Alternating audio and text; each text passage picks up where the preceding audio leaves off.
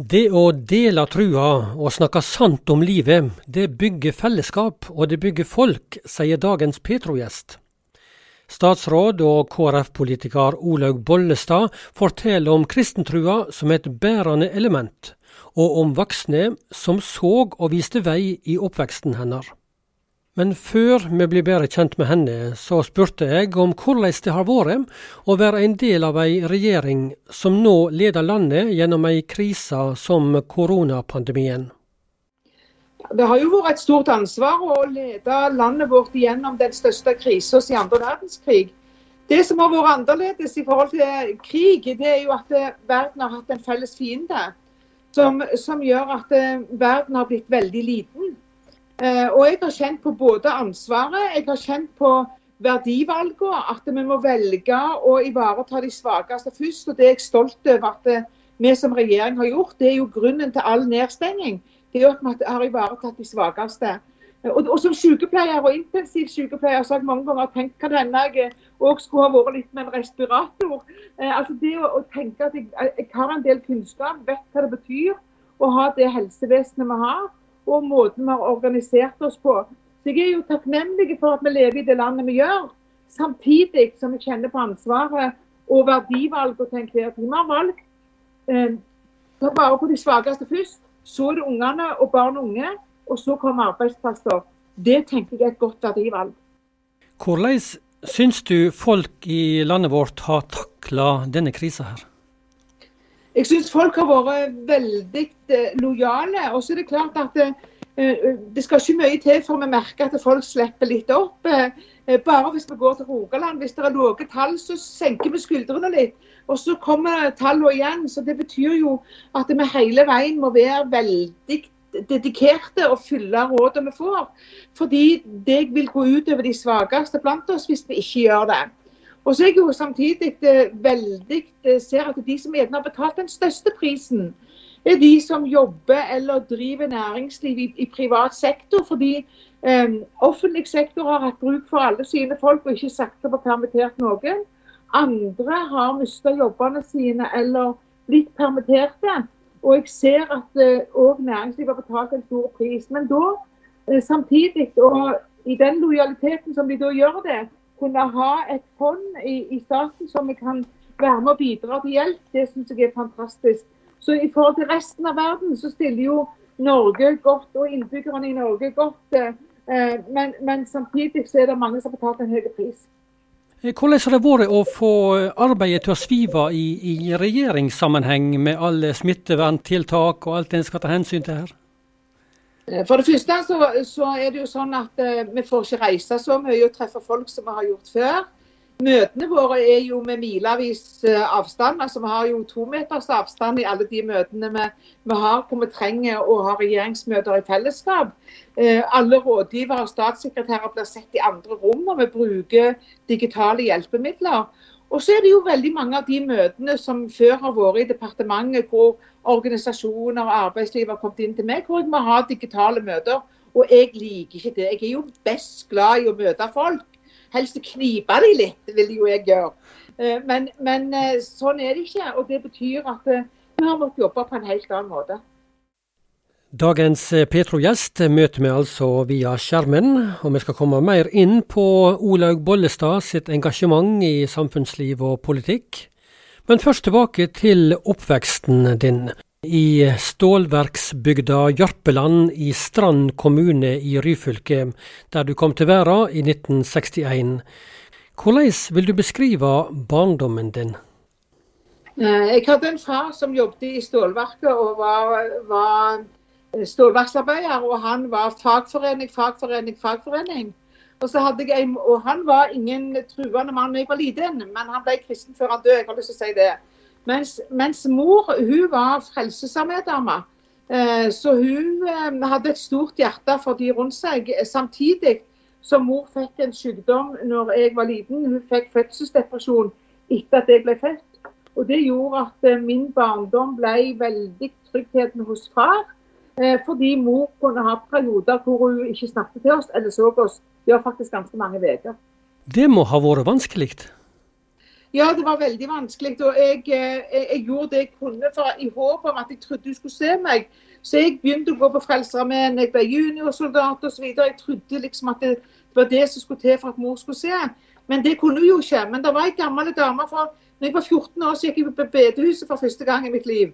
Og Da møtte jeg ei dame der som heter Ingeborg Sørhus. Hun var ikke spesielt eh, den som sto, aldri framme på plattforma. Men dette var ei dame som skjønte og så lille Olaug. Åpnet opp stua si, eh, bakte jødekaker med så aldeles gyselig med hårsalt i, sånn at det gikk ingenting på. Og hun hadde nybakte jødekaker, så slapp hun å ha nesespray på tre uker etterpå.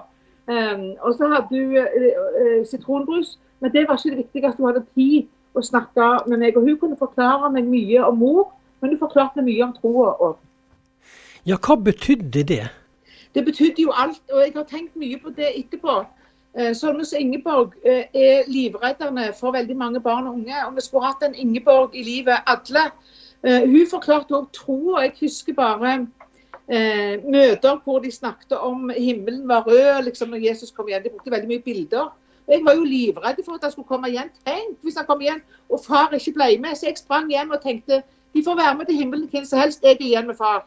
For han var det trygge livet for meg. ikke sant? Men så forklarte Ingeborg at dette var bilder um, på samme måte som hun forklarte det med to ligger i samme seng, ei tatt med og ei tilbake osv. Altså, hun var med og bygde troa mi til å bli ei tro som, um, som var ei trygg tro som hvilte, på en måte. Sant? Og sånne folk uh, de er gull verd både til å se mennesker og skjønne åndelige dimensjoner inn i et, en ungdomsliv. For meg eh, som ungdom så tenker du konkret, du vet ikke alltid i bilder og det som blir sagt og språk. Hva var det som gjorde at du valgte kristen tro som ditt livssyn? Jeg tenker at det har alltid vært det for meg. Og som liten jente, jeg husker når far min fikk hjerteinfarkt da jeg var ni år. Jeg lå og så over vinduskarmen på blålyset ute og var livredd og tenkte nå ryker livet mitt, så, altså tryggheten min, for han var jo trygg når mor var, var syk. Så, så, tenker jeg at samtidig så, så, kjenner jeg at for meg har siden jeg var ei lita jente, troa vært det bærende i livet mitt hele veien. Og jeg har aldri på en måte tvilt på at Gud fantes, og at Jesus ville meg vel. Og at han kom for å bygge og redde livet mitt. Um, sånn at det, Oppi dette så har troa vært et bærende element. Og, og, så har jeg samtidig funnet ut fra jeg var liten av og fra Ingeborg at eh, troa henger også sammen med fellesskap. Og det òg tenker jeg, det å dele troa, dele troshistorien, dele og snakke sant om livet, det bygger fellesskap, og det bygger folk. Det er mat- og landbruksminister Olaug Bollestad som er gjest i dag. Vi snakker litt om oppveksten hennes på Jørpeland i Rogaland. I ungdomstida så gikk hun på bibelskole, og jobba som ungdomsarbeider i Ryfylke og Jæren Indremisjon. Men hun tok utdanning som sykepleier, og har i mange år jobba ved Stavanger universitetssykehus, der hun har permisjon fra jobben. Hvorfor eh, gikk du den yrkesretningen? ja, eh, det, det, er det mange som har ledd av. Men når jeg var ferdig som ungdomsarbeider etter fire år, så tenkte jeg må ta meg en utdanning. Og så hadde far min sagt at du må, du, det holder med det er gode folk om de ikke har så lang utdanning, så ta sekretærskolen. Jeg er jo ikke lagd for å være sekretær. Så, men jeg søkte det òg for sikkerhets skyld for å tilfredsstille ham. Men jeg søkte både det, lærerskolen, sosionom, barnevernspedagog og hele bøtteballetten. Og så hadde jeg ikke så verst karakter, så kom jeg jo inn i legestudio, kom inn på alt. Og så tenkte jeg hva skal jeg da gjøre? Så jeg la alle lappene i en hatt, og så trakk jeg. Så ble jeg sykepleier. Jaså? ja, ja. Og så husker jeg mannen min spurte når jeg, når jeg traff han der i byen Sykepleier, har du noen evner til det? Og så sa jeg ja, det har jeg selv om jeg aldri har sett et svært sår. Men etter det så tenker jeg tilbake igjen på far var syk. Eh, jeg så mye som liten med alle hjerteinfarkter. Og så har jeg gått veien. Jeg har blitt intensivsykepleier. Og nå når jeg har permisjon, så har jeg hatt permisjon fra Hjerteutredningen i Stavanger som leder der. Hvor vi akkurat blokker ut og fått bygd opp den blokker ut årer og hjerter og legger inn pacemaker og alt det der. Så jeg har permisjon fra sykehuset. Du, Hva har sykepleierjobben og denne utdanninga her betydd for deg i arbeidet som politisk aktiv i mange år? Jeg har skjønt eh, Jeg har jobba i all min tid ofte opp mot liv og død. Eh, jeg har sett når folk står på bar bakke, enten de har vært utsatt for brann, ulykker, bil. Når, når, når, det virkelig kommer til på, på en måte helt og alt er på en måte tatt vekk, så har jeg møtt folk i det mest sårbare. Og Som politiker så har dette vært veldig veldig nyttig. Fordi jeg ser at uh, folk kan være opptatt av materielle ting, men de er veldig opptatt av at vi skal nå og forstå både nå og forstå problemstillingene deres. Når alt det andre blir skrelt vekk, hva er det da som trengs? Uh, og Det gjør at jeg som politiker har vært veldig opptatt av å møte folk, ikke bare når de kommer finpynta og skal møte statsråden eh, opp, oppfiffa. Men jeg er opptatt av å møte folk der de er, eh, og kan gjerne grine i lag med de som griner. fordi av og til så slår livet urettferdig ut for noen, eh, og vi har ingen forklaring på hvorfor. Men da må vi tørre å møte folk der de er, og det har vært nyttig for meg som politiker. Vi skal litt inn i det politiske landskapet, for Olaug Bollestad kom inn i politikken i sin heimkommune Gjesdal i Rogaland i 2003. Og Da sto du langt nede på lista til KrF, Kristelig Folkeparti, og var nokså overraska når du fikk telefonen om at du var valgt. Ja, jeg trodde jo jeg var listefull, så den dagen valget var, så hadde jeg forening. Så var det morgenen etter valget, så var jeg på vei til sykehus på jobb tidlig. Så ringte Karl Edvard Aksnes, som da var ordfører, og sa du har kommet inn i, i kommunestyret. Og jeg tror jammen du har så mye stemmer òg på dame at du begynner i forbundskapet. Og jeg hadde jo aldri vært, eh, vært på et politisk møte i hele mitt levende liv. Så det var tilfeldig. Og jeg oppdaget da i politikken at der er det òg litt eget språk. og Den offentlige sektor skriver et eget språk. og og folk må skjønne at dette handler om deres hverdag. På samme måte som på sykehuset så snakker doktorene et språk som pasientene ligger med klinkekuler og ikke forstår noen ting. Og på bedehuset måtte Ingeborg forklare meg om den røde himmelen. Altså det med å, med å, å komme inn i politikken eh, måtte jeg samtidig som jeg gjorde sykehus og bedehus lære språk, og jeg er opptatt av å snakke et språk som folk forstår. Olaug Bollestad ble altså kommunepolitiker i 2003, ble ordfører i Gjesdal i 2007, og samme året kom hun inn på fylkestinget i Rogaland, og innvalgt på Stortinget fra 2013. Hun kom inn i Kristelig Folkeparti sitt landsstyre i 2008, senere inn i sentralstyret, og er nå første nestleder i partiet og har sittet i regjering siden januar 2019 som eh, statsråd i Mat- og landbruksdepartementet. Tenkte du da du starta i politikken i 2003 at du en dag ville sitte ved kongens bord? Nei, i 2003 så tenkte jeg jo heller ikke at jeg skulle bli ordfører i 2007. Eh, at det skal komme på fylkesting eller komme med kongens bord. Jeg har mye å takke KrF for og velgerne for fordi at de har gitt meg denne muligheten. Jeg hadde overhodet ikke den tanken, tanken når jeg sa ja til å stå på langt der på lista til KrF i 2003. Men sånn er livet. Det gir oss utfordringer, og jeg tenker vi skal ta dem. Var det et helt opplagt valg at du engasjerte deg i Kristelig Folkeparti når du gikk inn i politikken? Jeg fikk jo spørsmål fra fire partier. Jeg fikk spørsmål fra Arbeiderpartiet og leste programmet deres. Jeg leste Senterpartiet, jeg leste Høyre og jeg leste KrF sitt fikk spørsmål. Og da var det, Jeg var ikke enig i alt i KrF sitt program, må du tro. Men det som betydde noe, det var to ting. Det ene var at det, det, det var bygd på et verdigrunnlag som jeg identifiserte meg med og var glad i, nemlig den kristne grunnverdiene våre. Eh, det andre jeg var opptatt av, det var at det var Karl Edvard som spurte meg, og Karl Edvard hadde jeg tillit til. Han var KrF-ordfører på den tida? Ja. I din og jeg hadde stor tillit. Ja, han, og, og, han var veldig flink til å dra meg med. sånn at når jeg da valgte å stå på førsteplass når han skulle gi seg, så var han en veldig flink eh, hva skal jeg si, nesten en sånn lærer, jeg, jeg var læresveinen hans. Han dro meg med på veldig mye. Og det tenker jeg når vi skal abdisere, så må vi lære opp noen bak oss. Det må vi gjøre både i kristen sammenheng, i politikken og i arbeidslivet. Så han dro meg med og lærte meg opp. Så når jeg ble ordfører, så følte jeg jeg hadde hatt en god fadder. Du, Hva vil du si med noen få ord som ligger i bunnen for ditt politiske engasjement? I bunnen for mitt politiske engasjement så ligger det at eh, ut ifra mitt verdisyn og kristne syn, så er vi alle like mye verd. Så for meg så er, er alle, uavhengig av tittel, posisjon, hudfarge, tro, religion, like mye verd. Og Det betyr at jeg, jeg prioriterer òg etter det.